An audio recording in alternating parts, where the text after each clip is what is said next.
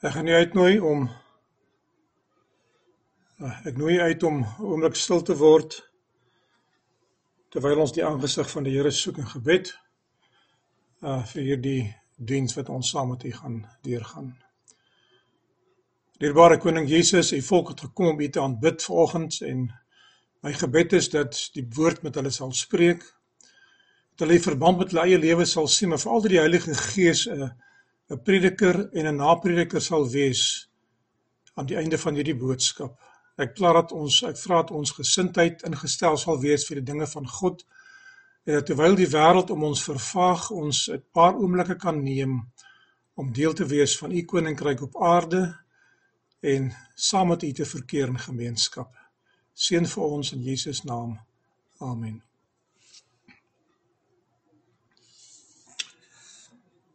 Voordat ons begin met die boodskap self, wil ek net vir julle so 'n klein uh, ietsie vertel. Uh, ek het so rukkie gelede die lesstudie opname gedoen uh vir my distrik, ook op op uh, video soos ek maar gewoond is om te doen.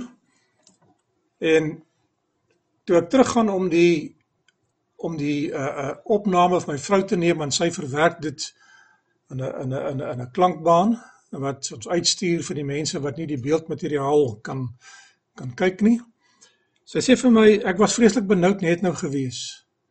Een van die honde het die water wat langs my bedkassie staan afgespring. Dit het geval bo op die die die die die die die kragprop wat daar lê wat my selfoon ingeprop is en die hele huis se ligte het uitgegaan.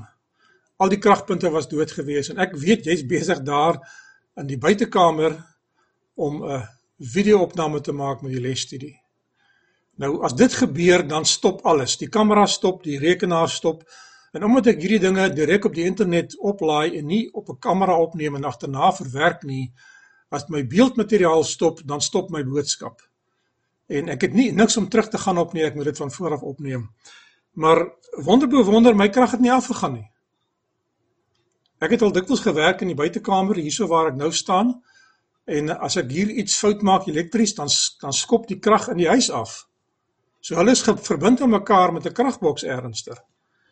Maar ek dank die Here dit nie gebeur het nie. Geliefdes, my gebed is dat aan hierdie tyd dat terwyl die wêreld van God afgeskakel is in 'n les wat ek met u wil deel soos ek dikwels maak, my illustrasies van dinge uit my eie lewe uit. Is dit my gebed dat deur die genade van God u nog steeds aan God verbind sal wees en dat daardie verbinding wat tussen u en God bestaan nie verhinder sal word nie. En veral hierdie paar minute wat u met my saam gaan spandeer in aanbidding uh dit vir sal kosbaar wees. Ek het veel van tevore gesê dat die lesstudie bespreking in die normale gang van die kerke is is is is 'n twee rigting gesprek. Dit is horisontaal. Ons deel, ons leer, ons onderrig mekaar, ons het same syn en dit is aanbidding. Maar die eredienstyd is is 'n meer aanbiddingstydperk waar ons 'n vertikale verhouding met God handhaaf, waar die woord van God met u spreek, waar die Heilige Gees binne in u praat en waar u daardie verhouding wat u met God het weer beter verbind. Mag die Here vir u seën dat dat hierdie Sabbatdag spesiaal sal wees, selfs die van u wat nie by mense is nie, daar waar u families is, een of twee persone. Ek weet ook dat vanoggend gaan 'n gedeelte van die Natal konferensie, Natal Vrystaat konferensie by ons aansluit by hierdie boodskap. Mag die Here vir u seën dat die boodskappe wat u ontvang het die afgelope tyd kosbaar is en dat dit by u iets blywend sal laat. Ons het reeds gebid. Ek gaan vandag uh nie soos gewoonlik uh net 'n gewone boodskap lewer nie, maar ek gaan ook 'n beeldende boodskap saam met u in 'n in 'n PowerPoint uh, aanbieding uh, met u deel. So die van u wat na die klankbeeld luister, moet seker maak dat u die PDF leer wat hiermee saamkom ook kry sodat u die prentjies kan gebruik en kan sien as ek na dinge verwys waarvan ek praat. Ek wil graag 'n les neem uit die uit die lesstudie uit van vandag wat reeds verby is. Jesus was die die beeldende sigbare uh verteenwoordiger van die godheid. Terwyl die Bybel, die woord van God, die deel wat ons kon lees. En in die aanbiedinge wat ek met u gedurende die afgelope tyd het ons dikwels so gemaak wat ons vir u beeldend iets gewys het wat u dit kon sien en wat u dan ook kon luister. Mag die Here vir u seën. Ek wil u uitnooi dat u sal blaai na 2 Korintiërs 2 vers 14 en ek gaan daar uh, bietjie aanlees in die teks tot waar ons by die einde van die inleidende teksvers gekom het. Paulus skryf aan die kerk in Korinte en hy sê die volgende: Maar God sy dank wat ons altyd laat triomfeer in Christus en wat die reuk van sy kennis deur ons oral versprei want ons is 'n aangename geur van Christus tot eer van God onder die wat gered word en onder die wat verlore gaan.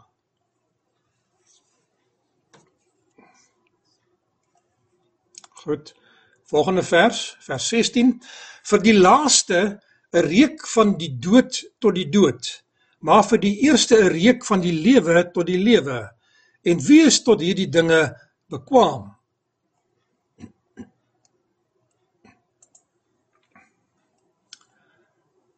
Ek gaan later die inleidende teks met u deel. Dikwels gebruik ons 'n teks homileties terwyl ons nie weer daarna verwys nie, maar ons gebruik hom as 'n inleiding. Hierdie is die boodskap. As jy hierdie teks verstaan, hoef ek nie verder die boodskap met u te deel nie. Maar ek is seker dat dat dat u gaan iets vind wat u siel gaan voed as jy hierdie teks gaan ontleed saam met my vanoggend. Daar is 'n foto van die bange bange van Beldeberg, baie van die van u as as 'n gemeenskap van gelowiges weet wat Helderberg College is. Helderberg College is die teologiese kweekskool van ons predikante in Suid-Afrika. Daar is ook 'n college wat onderwysers oplei en en en opvoedkundiges en daar ek weet nie wat al die vakke is nie. Inteendeel Helderberg is vandag 'n universiteit sover ek weet. En dit is waar ek my graad ontvang het en waar ek baie jare spandeer het. Ek is daar gebore In 1959, ek het die eerste 4 jaar van my lewe op Helderberg deurgebring saam met my vader wat toe gestudeer het in teologie en ehm uh, ek het later gaan studeer. Ek het altyd saam 4 5 6 7 8 9 10. Ek het 11 jaar van my lewe op Helderberg College deurgebring. Daar is die ingang van die uh een van die graduasieklasse het 'n ingang na Helderberg toe met 'n pragtige hoë hek gemaak waar 'n mens kon dit besigtig om in te gaan. Hier is 'n interessante foto wat met 'n met 'n spesiale lens geneem is waar die die seunskoshuis en die administrasiegebou met die binneplein met ook 'n 'n 'n deel wat gemaak is deur studente. Elke jaar is as die studente uh, graduasieklas die college verlaat, dan laat hulle 'n geskenk agter iets wat hulle aan die universiteit teruggee vir dankbaarheid van die opvoeding wat ons daar gekry het. Want ons het baie dinge daar ingesit. En hierdie is weer een van daardie gebeurtenisse wat gebeur het. By Helderberg College is daar in die gehoorsaal, die Anderson saal, as sy naam nog so is vandag, 'n plaak, 'n houtplaak met goue letters op geskrywe wat 'n ererol is. Nou die foto wat hier verskyn is nie Helderberg se ererol nie. Ek kon nie 'n foto van hom bekom nie. Akademiese voortreffelikheid is die eerste kategorie, geestelike leiding op kampus die tweede kategorie en praktiese bydrae tot instandhouding en opbouing van die kollege is die derde kategorie. En daardie elke elke 4 jaar kies die raad van die universiteit drie studente wat gepresteer het akademies, geestelik en prakties met hulle hande werk om hulle naam daar te skryf as daardie graduasieklas se ere rol. Natuurlik was daar baie ander toekennings en baie ander vereer, vereerbare rolle gewees, maar hierdie is die een waarop ek graag wil fokus want dit is die inleiding van my boodskap vanmôre saam met u. Name geskrywe in goud. Nou u naam gaan geskrywe word in die boek van die lewe en van die lam sê die boek Openbaring en ander tekste in die Bybel verwys na die boek van die lewe. As u naam in die boek van die lewe verskyn, beteken dit u is een van die erfgename van die koninkryk van God. Ek gaan later meer sê oor die ererol van die hemel en die vlakke van verering wat gaan plaasvind. Dawid se ererol, helde met prestasies, 2 Samuel 23 vers 8 noem 37 helde. 1 Kronieke 11 vers 41 tot 47 noem 16 helde van Dawid. Dawid se ererol. die name van die helde wat in oorlog gepresteer het. Uh Josep Bassebet, die hoof van die adjudante teen 800 wat op een keer gesneuwel het. Een man wat 800 mense laat sneuwel het in die geveg. Eliaser, hy het opgestaan onder die Filistyne geslaan totdat sy hand moeg geword het en sy hand aan die swaard gekleef het sodat die Here daardie dag 'n groot oorwinning gewerk het. Die manskappe het teruggekom agter hom aan net om te byt sê die Bybel. Ek lees vir u die teks van die Bybel soos dit voor my verskyn. Samma, die derde een, toe die Filistyne by Legie kom, bymekaar kom waar 'n stuk land was vol lensies en die volk vir die Filistyne gevlug het, het hy hom opgestel in die middel van die stuk land en dit afgeneem en die Filistyne verslaan. So hierdie drie name verskyn in Dawid se ererol as die eerste 3 nie Israeliete. Ek moet vir u daarop wys. Hierdie was 'n interessante studie gewees. Uh die een was 'n Tagkenomit, 'n Ahohit en 'n Hararit. Nou ek ken nie daardie nasies nie en ek gaan nie probeer om dit te verduidelik nie. Belangrik vir my is dat in Dawid se ererol aan die hoogste vlak van sy verering is drie manne wat uitlanders was wat hy in sy weermag opgeneem het en wat hy met die hoogste eer bekleed in sy ererol. Die tweede groep Dawid se ererol bestaan uit groepe van 3, groepe van 3, groepe van 3 wat groot groepe is later aan. Helde met prestasies, nog steeds dieselfde tekste, die tweede groep van Abisai, die broer van Joab, leier van 30 man. Sy spies, met sy spies het hy 300 man verslaan. Dan is daar Ben Benaja. Hy verslaan twee reuse, 'n leeu, 'n Egiptenaar met sy eie spies. Dan is daar Asael, ook 'n broer van Joab. Die Bybel sê nie wat sy verering was nie, maar hy was een van die volgende 3 gewees, die tweede groep van 3 van Dawid se ererol. Dan was daar 70 manne in 12 kategorieë. Die tekste is dieselfde wat ek gegee het vir u. Abner se naam is nie in die lys van helde van Dawid nie. Sy naam verskyn nie op Dawid se ererol nie. Hy is die hoof van die leer, die generaal van Dawid, maar sy naam verskyn nie daar nie. Dan moet jy jouself die vraag afvra, hoekom nie? Goed. Joab is nie in die lys nie maar sy wapendraer is goed ek het ek het 'n fout gemaak ek het vir u gesê in 'n vorige lesing dat ek myself som verspreek en u doen seker maar dieselfde met tye Abner was die leeroowerste van Saul gewees. En om Israel by Dawid te voeg het Abner oorgestap met die kinders van Israel na Dawid toe. Die wat wou.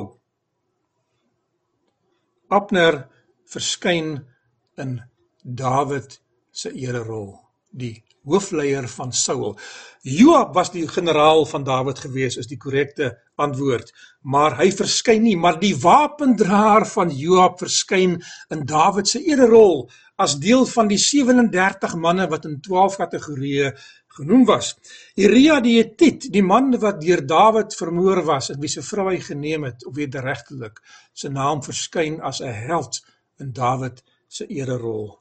1 Kronieke voeg nog vers hoofstuk hoofstuk 11 vers 41 tot 47 voeg 16 manne by hierdie groep van 37 helde van Dawid. Nou nou nou vir my baie interessant, wat was die maatstaf? Dit was oorlogsprestasie, dit was hoegenaamd nie karakter nie, dit was geen godsdienstige konnotasie gewees nie. Hulle word absoluut vereer vir wat hulle met hulle spierkrag, met hulle krygkuns en hulle vindingrykheid vermag het in die oorlog. En ek tragies. Salomo se ererol en, en en ek draai die verhaal van die Bybel so 'n bietjie want hierdie is nie werklik 'n ererol nie. Maar maar Salomo wat die wysste man op aarde was sê die Bybel in daai tyd.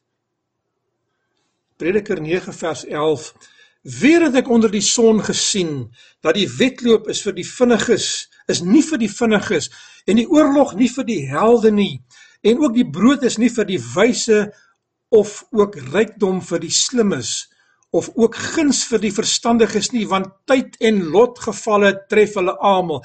Salomo nou nou ek ek gaan nou in hakkie sê vir u Salomo was 'n jong seun wat bedorwe was wat tot die troonsvlak gekom het as 'n gevolg van 'n belofte wat gemaak is aan sy moeder. En Salomo het nie deur die leerskool gegaan in die skool van opleiding van swaar kry en leed wat Dawid deurgegaan het nie. Ek het in vorige boodskappe vir u gesê dat Dawid was aan God se leerskool en toe Dawid die troon op die ouderdom van 30 bestyg, was hy 'n opgeleide man gewees in al die fasette van koningskap deur diensbaarheid aan Saul. Die Here plaas hom deur sy ervaring in 'n leerskool waar die Here hom voorberei het om koning te word. Hy het dit nie geweet nie. Salomo was nie in so 'n 'n rol gewees nie. Maar die Here gee vir hom wysheid want toe die Here vir hom vra, "Wat moet ek vir jou gee? Rykdom of eer of posisie?" En ek kan nie of wat die Here al gesê het in die Bybel nie, u kan die verhaal gaan lees, maar toe sê hy vir die Here, "Gee vir my wysheid om hierdie groot vol." Hy voel hy voel klein in die in die teenwoordigheid van God. En hy sê vir die Here, "Hoe gaan ek hierdie nasie kan beheer?" En ek wil vir u sê dat baie van u het seker by die plek gekom in die lewe waar die Here waar u vir die Here gesê het, Here, die taak wat voor my lê is te groot. Ek kan dit nie aanpak nie. Ek het vir die Here al baie gesê, tensy u met my saamgaan, sal ek in hierdie werk nie kan ingaan nie. Geliefdes, daar gaan tye kom wanneer ons gaan voel die werk oorweldig ons. Dan gaan ons vir die Here vra vir wysheid. En die Bybel sê vir ons as iemand wysheid kort kom, laat hom dit vra. Het jy dit al geprobeer? Ek het al vir die Here gevra toe ek met die Portugese gewerk het in Namibië, gee vir my insig in die taal. Ek het nie die taal geleer ken nie, maar ek het agtergekom dat ek daardie dialek soos met die Griekse taal, want hy nou baie nou verband die Portugese en die Grieks het dieselfde stam soos wat die Nederlands ook het en ek kon baie vinnig begin snap. Baie keer voor die tolk nog gepraat het, kon ek agterkom wat is die strekking van die gesprek alhoewel ek die detail nie kon verstaan nie. Ek wens ek kon al die langstale praat. My pa was bevoorreg om dit te kon doen.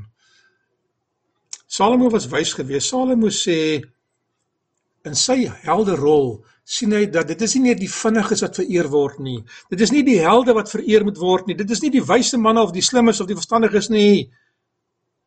Daar's 'n ander reël wat geld in die lewe. Hy het die lewe sit en dophou en storieetjies gemaak. Soos wat ek storieetjies maak as ek preek en vir eet my lewe uit of ander mense se lewens uit lesse leer, so het Salomo dieselfde gedoen, natuurlik deur die insaag van die Heilige Gees, nie sy eie nie? Nee, jy verstaan dit. Jesus se ererol, het nie geweet die Here het 'n ererol? Hoe gaan die Here mense vereer in sy koninkryk? Matteus 20 vers 23 sê: "Maar om te sit aan my regter en my linkerhand berus nie by my om te gee nie, maar is vir hulle vir wie dit deur my Vader berei is." Jakobus en Johannes, ander verhaal sê sy moeder het gevra, is nie belangrik wat dit is nie. Hulle kom na Jesus kort voor die kruisiging van Jesus en sê Here, kan ons twee broers aan u linker en regterkant sit as u die troon van Dawid bestyg soos u nou in Jerusalem. Hulle is op pad Jerusalem toe. Die Here sê vir hulle, dit is nie vir my beskore nie. As die Here vir hulle daardie versoek aan voldoen het, het Jakobus en Johannes nie eers 5 dae later nie aan die regterkant en aan die linkerkant van Jesus aan 'n kruis gehang. Want dit is die plek wat hulle sou moes inneem as hulle links en regs van hom wou wees. God die Vader besluit wie moet vereer word in die koninkryk van die hemel. Daar is wel 'n verering gaan ek later vir u wys, maar in Jesus se ererol is daar 'n ander standaard wat geld. Die tweede een, 1 Petrus 1 vers 17, as julle hom as Vader aanroep wat sonder aanneming van die persoon oordeel volgens elkeen se werk. God is nie 'n aannemer van persoon nie. Hy kyk nie na u voorkoms nie, hy kyk nie na u stand nie, hy kyk nie na u bankrekening nie, hy kyk nie na u geleerdheid nie. Hy kyk nie of u hare het of u 'n bril gebruik nie. Hy die kwalifikasies is het jy 'n wedergebore hart? Kan ek jou gebruik? Kan ek jou intrek? Kan ek jou oplei? Kan ek jou stuur? Sal jy getrou bly en gehoorsaam wees aan die dinge van my? Maar hy is nie aannemer van persoon nie. Jy ken die verhaal van van van 'n uh, toe Dawid gesal was by Isaai, stap die seuns verby en en en en Samuel begin soos 'n mens maar sal maak na die man se voorkoms kyk. Hy sê vir homself: "Hierdie man is vorstelik. Hierdie man is is is aardelik in sy voorkoms. Hy hy beïndruk jou met sy gestalte. Hy beïndruk jou met sy oë en sy manier van kyk. Die manier wat hy loop is vorstelik. En wat sê die Here vir Samuel? Kyk nie na sy voorkoms nie. Want wat voor oë is is vir die is, is nie vir God dieselfde as vir mense nie. Hy sê die Here kyk na die hart van die mens. Die Here kyk na die hart van die mens. Die Here is nie aannemer van persoon nie, geliefdes. Jesus se ererol 1 Samuel 16 vers 7 is die derde punt. Kyk hier na sy voorkoms en sy hoëgestalte goed. Ek het nou vergeet ek het die teks ingesit vir u. Want ek ag hom te gering, want nie wat die mens sien sien God nie, want die mens sien aan wat voor oë is, maar die Here sien die hart aan. God kyk na wat binne in ons ons. Uh, Inteendeel Paulus sê in die boek Romeine, die Here het na ons gekyk en hy het ons aangeneem toe ons nog sondaars was. Petrus kyk verder terug. Hy sê vir ons in verlede week se les dat voor die grondlegging van die wêreld het God vorentoe gekyk in sy voorsienigheid en hy het manne en vroue gesien wat aan die voorwaarde voldoen het van die laaste dae kerk veral hulle wat die gebooie van God bewaar en die getuienis van Jesus het en hy sê vir homself ek kies hulle wat my plan gaan kies Ek het dit vir u uitgespel. As jy dit nie verstaan nie, gaan terug in die les en gaan luister na daardie les wat ons met u gedeel het. 'n Triomftog.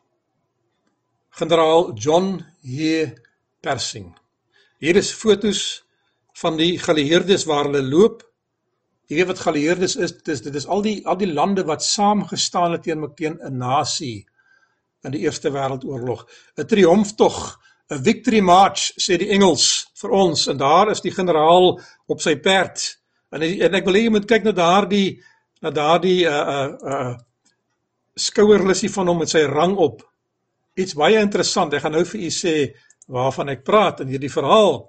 Generaal J. Persing was die hoogs gedekodeerde generaal in die Verenigde State van Amerika. Hy het homself 'n 5-ster generaal gemaak Nou ek weet nie of daar in die werklike lewe so baie is nie, maar ek verstaan uit die geskiedenis uit dat dit was iets uniek geweest. Daar was nie so iets geweest nie. In 1919 lei hy oorwinningsparade deur die strate van Parys in Frankryk, later in New York om die geallieerde se oorwinning in die Eerste Wêreldoorlog te vier. Toe die troepe begin oppak na die einde van die oorlog en daar daar oorwinning behaal is teenoor die magte wat hulle opgestaan het, uh, en begin huiswaarts keer dit kom daar 'n aankondiging dat generaal Persing 'n uh, oorwinnings tog 'n victory march sê die Engels uh in die strate van Europa Parys Brussel Londen wil loods.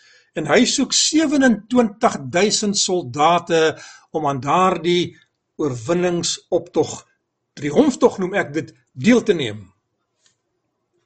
Goed Die soldate, nou nou die spesifikasie was was dit was nie enige man nie. Baie spesifiek sê die geskiedenisboeke elke soldaat moes in daardie terme van die Amerikaners 6 voet of meer wees. 1.86 meter of langer wees. Met ander woorde, hy soek manne wat groot van gestalte is. Hulle moet sigbaar wees vir 'n triomftog. Hulle moet al hulle ledemate hê. Daar mag nie 'n man wees sonder 'n oog of sonder 'n oor of sonder 'n hand of sonder 'n been of iets anderster nie. Dit sê nie van hulle mag nie wonde hê nie. Hy sê hulle moet al hulle ledemate, hulle moet volmaak wees. Soos wat die profesie van Jesus gesê het dat al sy ledemate was nie een van hulle gebreek gewees nie. Dit, dit staan vir iets. Manne wat helfhagtig uitgestaan op die slagveld, nie gewone soldate. Met ander woorde, hierdie manne moes almal gekenmerk gewees het aan een of ander edelprestasie tydens die oorlog waar hulle eerbaar opgetree het, waar hulle 'n diens verrig het, mense se lewens gered het of iets van die aard gedoen het. So daar moes 'n toekenning van 'n een of ander aard gewees het. Nou om 27000 soldate te kry wat aan hierdie vereistes voldoen, was seker nie 'n maklike taak gewees nie. Nietemin Uh ek gaan nie terugvat na die inleidingsteks toe. Uh ek wil nie vir u 'n mooi verhaal vertel uit die geskiedenis uit wat geen betekenis het nie. Dis 'n illustrasie om iets in die Bybel met u te verduidelik. In die nuwe vertaling in 2 Korintiërs 2 vers 14 tot 16 skrywe Paulus en ek gaan weer met u hierdie teks gaan. Maar aan God die dank. Hy voer ons altyd saam in sy sien jy daardie woord triomftog victory march omdat ons een is met Christus daai deur ons versprei hy die kennis van Christus oral soos 'n aangename geur. Nou hierdie is een van die tekste wat ons in laasweek se les eintlik moes neem en hom bietjie ontleed want hierdie teks op die oog af sê nie vir ons wat dit sê nie.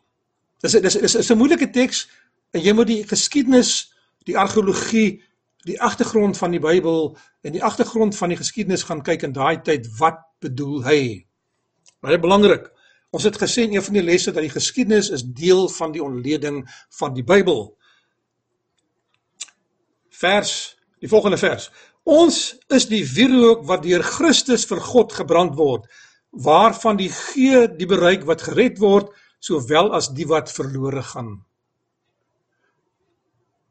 Geliefdes, ek het aan die lesstudie vir u gesê met 'n baie ernstige oproep dat ons is besig in 'n formasie om te marseer na die tyd van die einde. Maar in daardie weermag van God se kerk is daar manne wat gaan deurgaan tot die einde en daar is manne en vroue wat nie gaan deurgaan tot die einde. En ek praat nie van mense wat gaan sterf en gaan rus in die graf nie. Ek praat van mense wat uitgeskit gaan word en hierdie leermag van God gaan verlaat. Hulle gaan nie bly tot by die triomftog van Jesus aan die einde nie.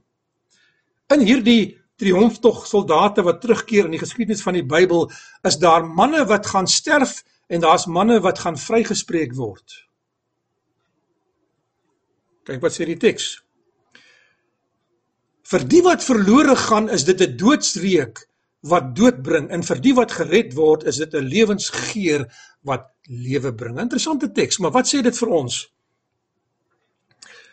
Dit was 'n gebruik. Ek lees nou vir u die boeke ja. Ek het in die lesstudie bespreking met u gedeel, die van u wat dit gevolg het dat een van die metodes van die interpretasie van die Bybel is om al die bronne van die Bybel, die tekste te gaan gebruik wat voor en agter geskrywe staan, die Ou Testament en die Nuwe Testament, maar ook te gaan kyk of die gawe van profesie 'n bietjie meer insaag gee in hierdie verhaal. En hier is so 'n verhaal, Handelinge van die Apostels in Afrikaans vertaal.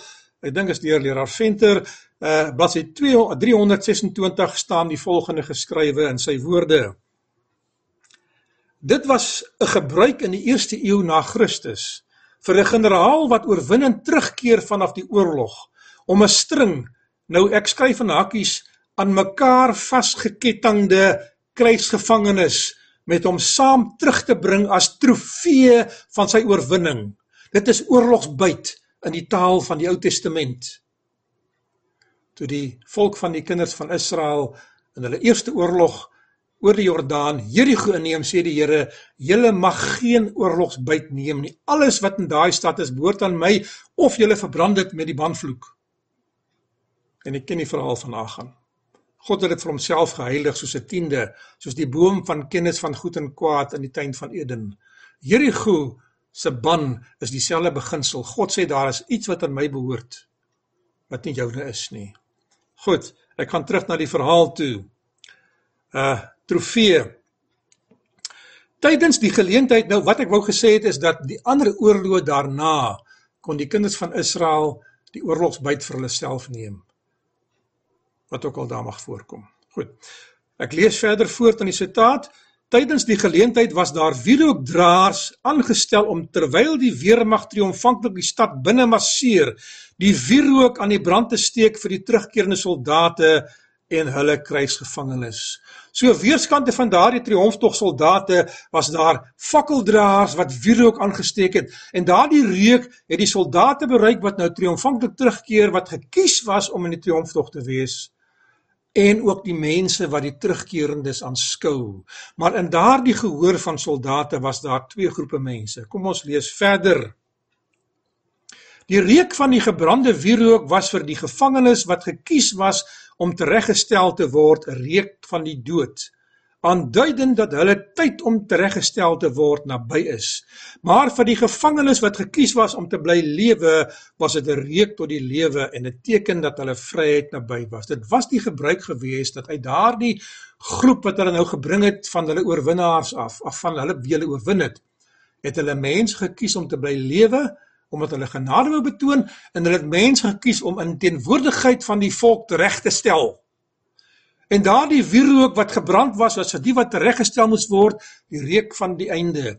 Geliefdes, watter reuk kry u in hierdie tyd? Kry u oorwinningsreuk omdat u vrygekoop is in die les van vandag waar ek vir u gesê het dat u is 'n verloste mens en u moet dit glo en u moet dit handhaaf of dat ons miskien die kruis gaan los en die hand van die Here gaan los En die reuk van die dinge wat nou in die wêreld gebeur is 'n oordeel vir ons dat die tyd vir ons daar is om te gaan maar na die verkeerde kant toe.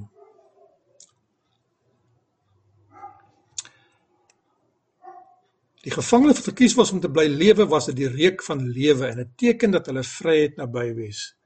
Wat is dit is dit Lukas 16 wat sê wanneer hierdie dinge begin gebeur, kyk dan na bo want julle verlossing is naby. Geliefdes, sien u in die dinge wat in die wêreld gebeur, die tekens van die einde van tyd? Ek hoop dat u dit so sal raak sien. Dat u nie sal Johannes 14 gaan ek net nou met u deel. Laat julle harte nie ontsteld word nie. Glo in God, glo ook in my. Ons gaan later die teks met u deel. Jesus se eerste triomftog Psalm 24 vers 7 en ek gaan kyk in die gawe van profesie sê vir my dat hierdie woorde van hierdie Psalm was inspirasie gewees wat 'n proses beskryf wat plaasgevind het in werklikheid. Of die Psalms dit geweet het in daardie stadium weet ek nie. Maar die Heilige Gees beïndruk om dit te skryf. Hef op julle hoofde o poorte, ja, verhef julle ewige deure dat die Here koning kan ingaan. Psalm 24 vers 8 sê: Wie is tog die Here koning? Die Here is sterk en geweldig, die Here geweldig in die stryd. Dan gaan die koor musiek weer uit, die koordanse wat voor hierdie skare mense uitgaan in hierdie Psalm en sê: Hef op julle hoofde o poorte, maak die deure oop met ander woorde, hef op die ewige deure dat die Here koning kan ingaan. En dit praat van die Ere Koning, dit praat van die ewige deure, so ons vermoed dit praat van Jesus. Wie is dan tog die Ere Koning?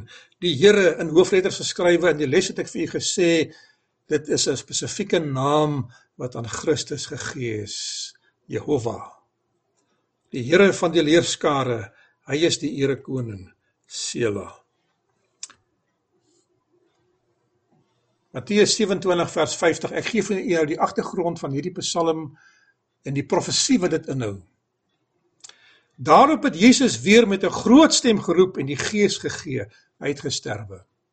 En kyk, die voorhangsel van die tempel het in twee geskeur van bo tot onder en die aarde het gebewe en die rotse het geskeur.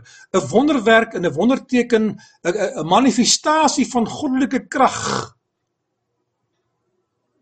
'n Epifanie noem ons dit vind plaas toe Jesus sterf. Die koning van die eeue bladsy 785 sê die volgende in die Afrikaans. Christus het uit die dood opgestaan as die eersteling van die wat ontslaap het. Al die eerstelinge van die Ou Testament wat later deur die priesters vervang was en die priesterskap gedoen het wat later deur die Christelike kerk vervang is wat nou uit mans en vrouens bestaan wil ek vir u by sê was almal 'n voorstelling van Jesus Christus. Ek het vir u in 'n vorige studie gesê dit is nie vandag se boodskap nie maar ek sit dit in vir u om te gaan kyk daarna dat net Adam wat Lukas sê die seun van God was en net Jesus wat ander dele van die Bybel ook sê en ook in Lukas onder andere wat net hy die seun van God was. Twee seuns van God, die eerste Adam en die tweede Adam in verlede week se les en in een van die studies wat ek met u gedeel het. Hulle was die enigste twee mense op hierdie aarde wat ooit verteenwoordigend was van God. Adam verteenwoordig God en hy is die koning van die menslike ras in die Ou Testament. Jesus, die seun van God, is die koning van hierdie wêreld en die heelal en verteenwoordig die kerk in die Nuwe Testament. Adam sondig en die wêreld word in sonde gedompel. Jesus sterwe en die wêreld verkry vryheid in die Nuwe Testament tydperk. Hulle is die enigste twee wat vikarius voor God kan staan as verteenwoordiger.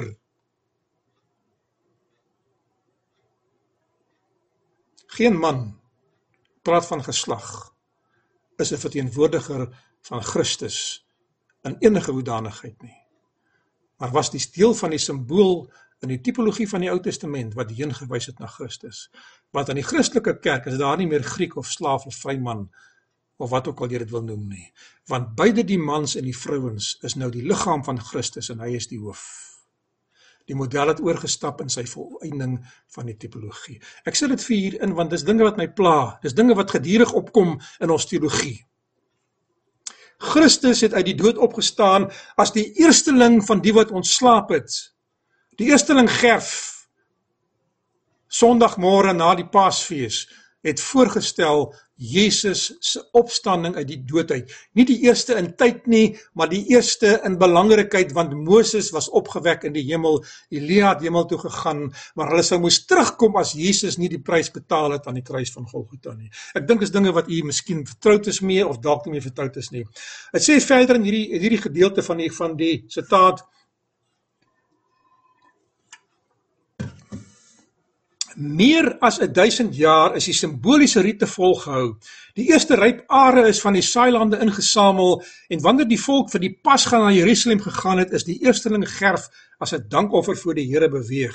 Nie voor hierdie seremonie kon die sekel ingesnaan en die oes ingesamel word nie. Die Here kan niemand van hierdie wêreld uh, forensies wettelik wegvat voordat die prys betaal is en die eersteling gerf ingesamel is nie. Henog sou moes terugkom. Moses sou moes terugkom, Elia sou moes terugkom. As Jesus nie gesterf het nie. Wanneer die volk vir die Pasga na Jerusalem gegaan het, is die eerstelingsgerf as 'n dankoffer voor die Here beweeg En nie voor hierdie seremonie kon die sekel ingeslaan en die oes ingesamel word nie. Die gerf aan die Here het die oes voorgestel. Die opstanding is die simbool en die waarborg van die opstanding van al die regverdige dode wat sal nakom. En daarom kan die boek Openbaring nou met reg sê: Salig en heilig is hulle wat van nou af deel het of sterwe, want hulle sal deel hê aan die eerste opstanding. Ons kan opstaan as ons gesterf het. Ons geliefdes gaan opstaan omdat Jesus opgestaan het. Ek gaan voort. Toe Jesus opgestaan het, het hy 'n menigte gevangenes saam uit die graf gebring. Iemand kyk na hierdie beeldspraak. Dit is baie verskriklik mooi en ek hoop dat u sal snap dat die Heilige Gees vir u daardie koneksie sal maak. Waarvan praat dit hierso? Uit die graf uit. So daar het 'n opstanding plaasgevind. Grafte het oopgegaan toe daar die aardskudding plaasgevind het met die opstandingsmôre van Jesus. En daar staan 'n menigte mense op uit die graf uit. Die aardbewing tydens sy dood het hulle grafte oopgeruk en toe hy opgestaan het, het hulle saam met hom opgestaan. Dit was diegene wat mede-arbeiders van God was en wat met hulle lewens geboet het vir die waarheid waarvan hulle getuig het. Met ander woorde, iets in hierdie mense se lewe was vervolg gewees en baie van hulle het met hulle lewe geboet. So hulle was martelare wat 'n spesiale prys betaal het. Wat 'n groot verering. Hulle het dit nie geweet toe hulle gaan sterf het nie. Baie het na hulle gevolg. Wat nog wag saam met ons wat met hulle lewens geboet het vir die waarheid waarvan hulle getuig het. Nou sou hulle getuies wees vir hom wat hulle uit die dode opgewek het. Wanneer daardie generaals van die oorlog afgekom het in die Ou Testamentiese beeldspraak, het hulle oorlogstrofeeë saamgebring om aan die volk wat gewag het op hulle oorwinningstog terug om hulle te wys hier is wat ons gedoen het. Hier's die bewys ons het die oorlog gewen. Jesus vat mense saam in 'n spesiale opstanding. Nie die gewone ene nie. Om aan die Vader en aan die hemelbewesens in die hemel te gaan wys dat die verlossingsplan geslaag het. Dit is nog nie voltooi nie, maar die eerste fase is voltooi. Kwalifikasie: verloste mense uit alle eeue. Was Abel Miskien een van hulle? Die eerste man wat gesterf het vir sy geloof? Ja, hy het gesterf vir sy geloof. Hulle het op 'n spesiale wyse vir hom getuig.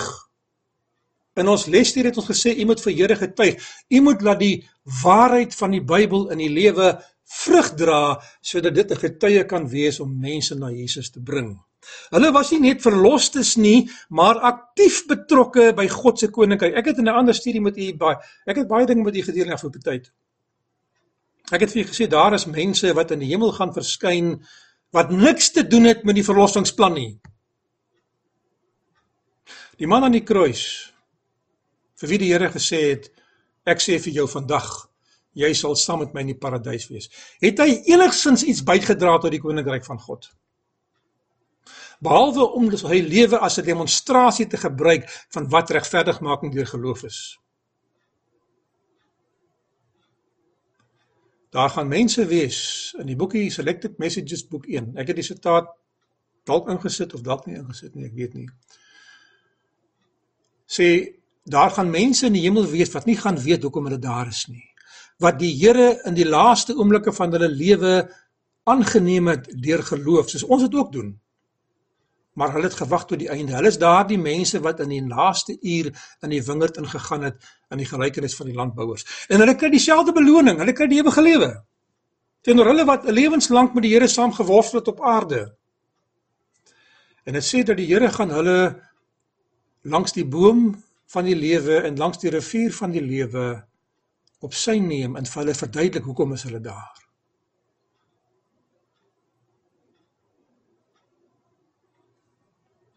Baie mense gaan met 'n groot verrassing opstaan wat nie gedink het hulle dit gemaak nie. Ek wil terugkom na die teks toe. Hierdie spesiale groep mense wat opgestaan het met Jesus se opstanding. Hulle was aktief betrokke. Wat ek wou gesê het is daar is mense wat nie by die dinge van God betrokke was op aarde nie, maar wat wel gered gaan wees. Die groot menigte waarvan die boek Openbaring praat, een van die groepe wat ek vir julle uitwys net nou. Maar dan is daar mense wat intensief betrokke was by die dinge van die Here, wat gesterf het, wat vervolg was. En dan is daar hulle wat in die laaste stryd waar uh, Daniël 12 vers 1 sê 'n tyd van benoudheid soos dit nog nooit vantevore was nie en nooit weer sal wees nie. Ek het in die lesstudie bietjie daarop uitgebrei. Gaan kyk gerus na die les, dan gaan jy verstaan waarvan ek praat. Die Here sê ons wat in die laaste stryd is, gaan ook 'n spesiale groep uitmaak. Een van die klassifikasies van hierdie mense was hulle moes betrokke gewees het by die dinge van die Here en vir die naam van die Here opgeoffer het en vir die naam van die Here gelei het en sommige van hulle het vir die naam van die Here gesterf. Daar was nie 'n ras of 'n kleur of 'n etniese of 'n geslags of 'n standsonderskeiding gemaak nie. Die Bybel gee nie so aanduiding nie. Ons weet terloops nie wie hulle is nie. Ek lees verder in Koning van die Eeu dat sy 833. Die ganse hemel het gewag om die heiland in die hemelse howe te verwelkom. Toe Jesus van hierdie wêreld 40 dae later opvaar. Nou nou interessant. Van sy opstanding tot en met sy hemelvaart beweeg hierdie mense rond en getuig. Is dit wat ek verstaan? Die ganse hemel het gewag om die heiland in die hemelse howe te verwelkom. Al opvarende was hy aan die spits terwyl die menigte gevangenes wat hy met sy opstanding vrygelaat het om gevolg het. Hoekom sê hoekom sê die koning van die eeue gevangenes? Openbaring sluit af dood. Waar is jou angel? Doderyk. Die laaste vyand wat van hierdie wêreld verslaan word is die dood. Satan hou ons gevange in die graf. So dink hy. En ons is gevangenes op hierdie wêreld. Hierdie wêreld in die tipologie van die vrystede is die plek waar ons skuil totdat ons hoëpriester sterf en dan kan ons teruggaan hemel toe as u daardie studie wil opvolg in 'n preek, miskien die van u wat boodskappe uitlewer. Pragtige beeldspraak. Ek lees verder. Al opvarende was hy aan die spits terwyl die menigte gevangenes wat hy met sy opstanding vrygelaat het, is gevolg het. Die hemelse leerskare het die blye optog met gejuig en lof en engele gesang begelei. Met ander woorde, buiten hierdie mense wat saam met hom opgevaar het, was daar engele wat hom vergesel het. Nou die boek Openbaring sê dat met die wederkoms van Jesus gaan die hemel leeg wees want die engele gaan almal saam met hom kom. Om ons te kom haal en ons gaan teruggaan met so 'n triomftog. Met 'n engelskare wat ons vergesel na die hemel toe. Dit het hier gebeur. Gekose engele het saam met Jesus en hierdie mense beweeg na die hemel toe. Met lof en engele gesang begelei. En toe hulle voor die Godstad kom, die Godstad, die nuwe Jerusalem met 12 poorte wat Abraham oor gebid het in die boek Hebreërs hoofstuk 11. Wat Johannes gesien het in Openbaring. het die begeleidende engele uitgeroep. Met ander woorde, die engele wat voor Jesus uitgegaan het, het nou uitgeroep en gesê: "Hef op julle hoofde o poorte, ja, verhef julle ewige deure dat die Here koning kan ingaan." Die psalmis was reg geweest. Inspirasie het hom vertel dat dit is wat gaan gebeur. Vol vreugde antwoord die poortwagters: "Hulle wat in die stad is, antwoord terug: Wie is tog die Here koning?"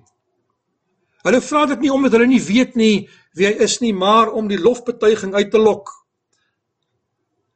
Die Here sterk en geweldig antwoord die mense nou, die die skare antwoord nou terug vir hulle. En ek, jy weet wat 'n koorsang is, jy weet wat 'n beurtsang is. Beurtsang is wanneer mense uh, afwisselend sing en en en en en en en 'n soort van 'n toneelspel het. Dis wat 'n beurtsang is. Hulle antwoord nou terug vir hierdie groep wat gevra het. Die Here sterk en geweldig, die Here geweldig in die stryd.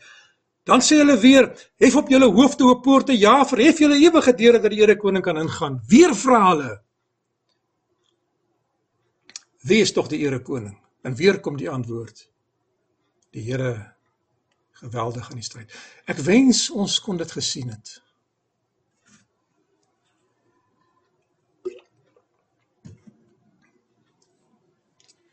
Paulus skryf in Korintiërs wat die oog nie gesien en wat die oor nie gehoor en die hart van die mens nie opgekom het nie. Nou daardie teks is 'n probleemteks wat u ook moet gaan ondersoek. Dit praat niks van die hemel nie. Dit praat hoegenaamd niks daarvan nie.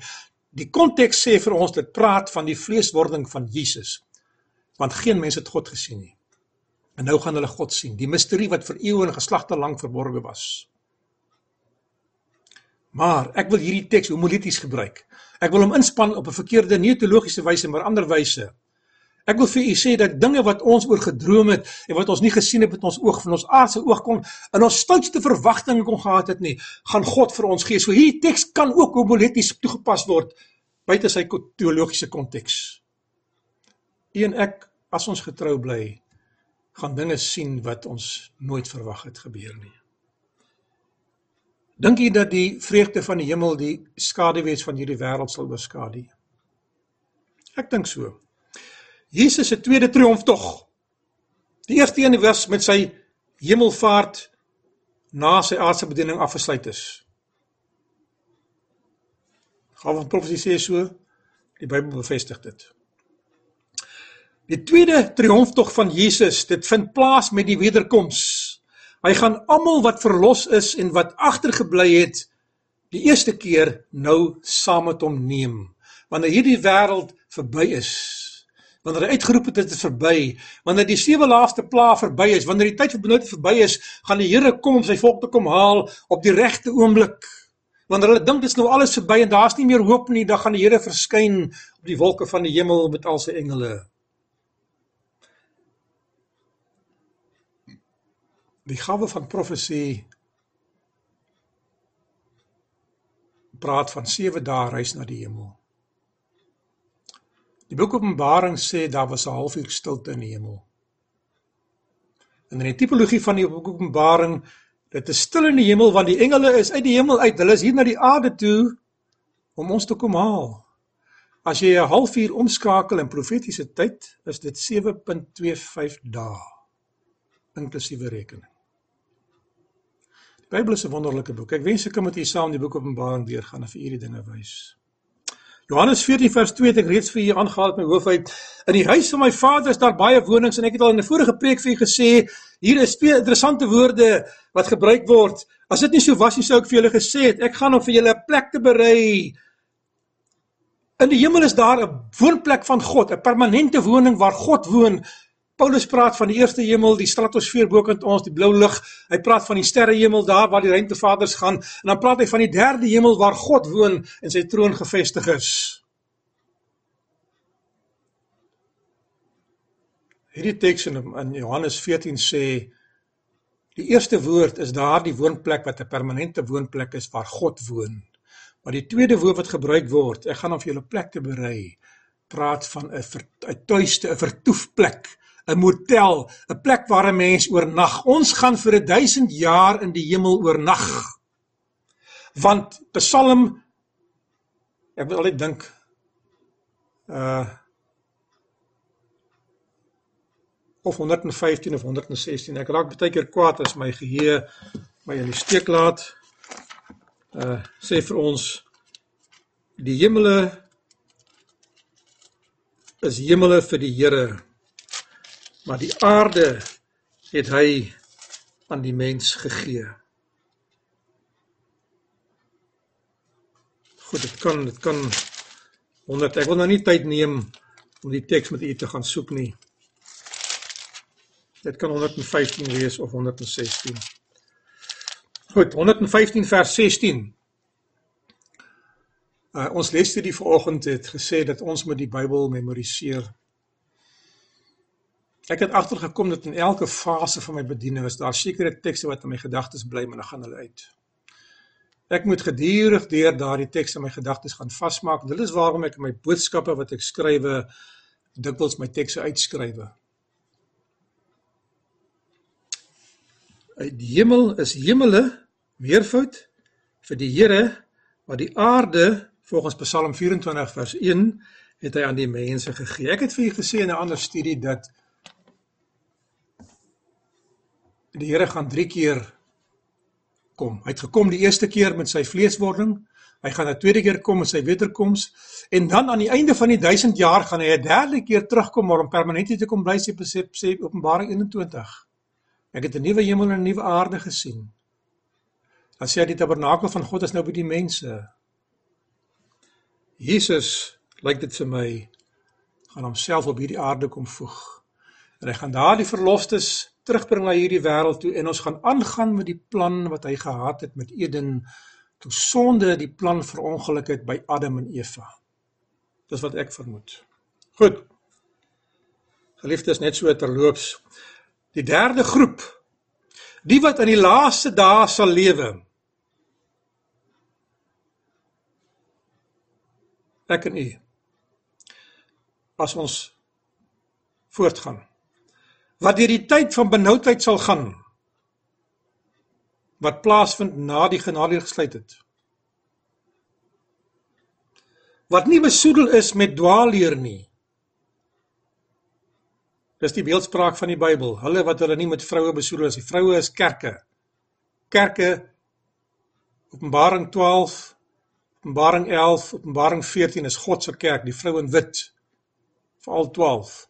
Openbaring 17, Openbaring 16 is die ander kant van die verhaal, die vrou wat op die vuurrooi draak sit met die godlasterlike name en al daardie versiersels wat in purper en persklere geklee is. is u besoedel met die dwaalinge van daardie vrou se beker wat sy in die hand vashou volgens Openbaring 17 of het u die reine waarheid hulle wat die gebooie van God bewaar en die getuienis van Jesus Christus hou Geliefdes, hulle wat hulle klere gewas het in die bloed van die lam, sê die teks hier Openbaring 14 vers 1, en ek het gesien en kyk die lam staan op die berg Sion en saam met hom 144000 wat die, sy naam en die naam van sy Vader op hulle voorhoofde geskrywe 'n spesiale groep mense, vrygekoop as eerstelinge van die lam, sal die lam volg waar hy heen gaan. Met ander woorde, die die beeldspraak van die eerstelinge het nie gestop met die opvaar van Jesus na sy kruisiging nie. Hy vat daar die eerste trofee weg na die hemel om te gaan wys dat die verlossingsplan het geslaag. En hoe gelukkig is daardie mense nie dat hulle nou daar kan wees nie. Hierdie teks sê vir my Openbaring 14 vers 1 dat daar gaan 'n tweede groep eerstelinge wees. Eerste in wat? Eerste in die saak waar hulle deur die grootste vervolging wat ooit gaan wees gegaan het. 'n Tyd van benoudheid soos dit nooit vantevore was nie en nooit weer sal wees nie. Vers 12 van Openbaring 14 sê: Hier kom die leidsaamheid van die heiliges te pas. Hier is hulle wat die gebooie van God en die geloof in Jesus bewaar. Geliefdes, ons is in daardie optog van Jesus Christus. Ons is deel van die triomftog van Jesus. Ons is nie in die optog van generaal Persing nie, in die Eerste Wêreldoorlog of enige ander oorloë van die wêreld nie. Ons verskyn nie in die vertoonkaste van die wêreld waar die trofee en die beker staan van atletiek prestasies in die skole nie. Dikwels as ek in 'n skool instap, ek moes baie keer daar gaan om godsdienste te gaan doen en ander dinge te gaan doen. Dan sien ek daardie trofee van die helde van die skool, die manne wat daardie skool se naam hoog gedra het. Die ere rolle in vertrekke en in sale.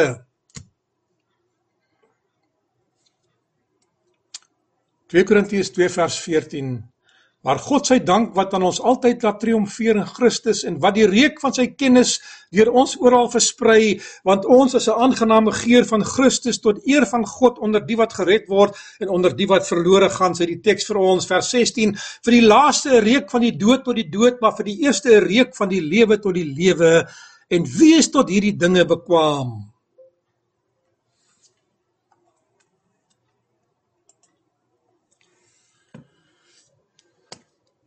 Wat sê ek vir u?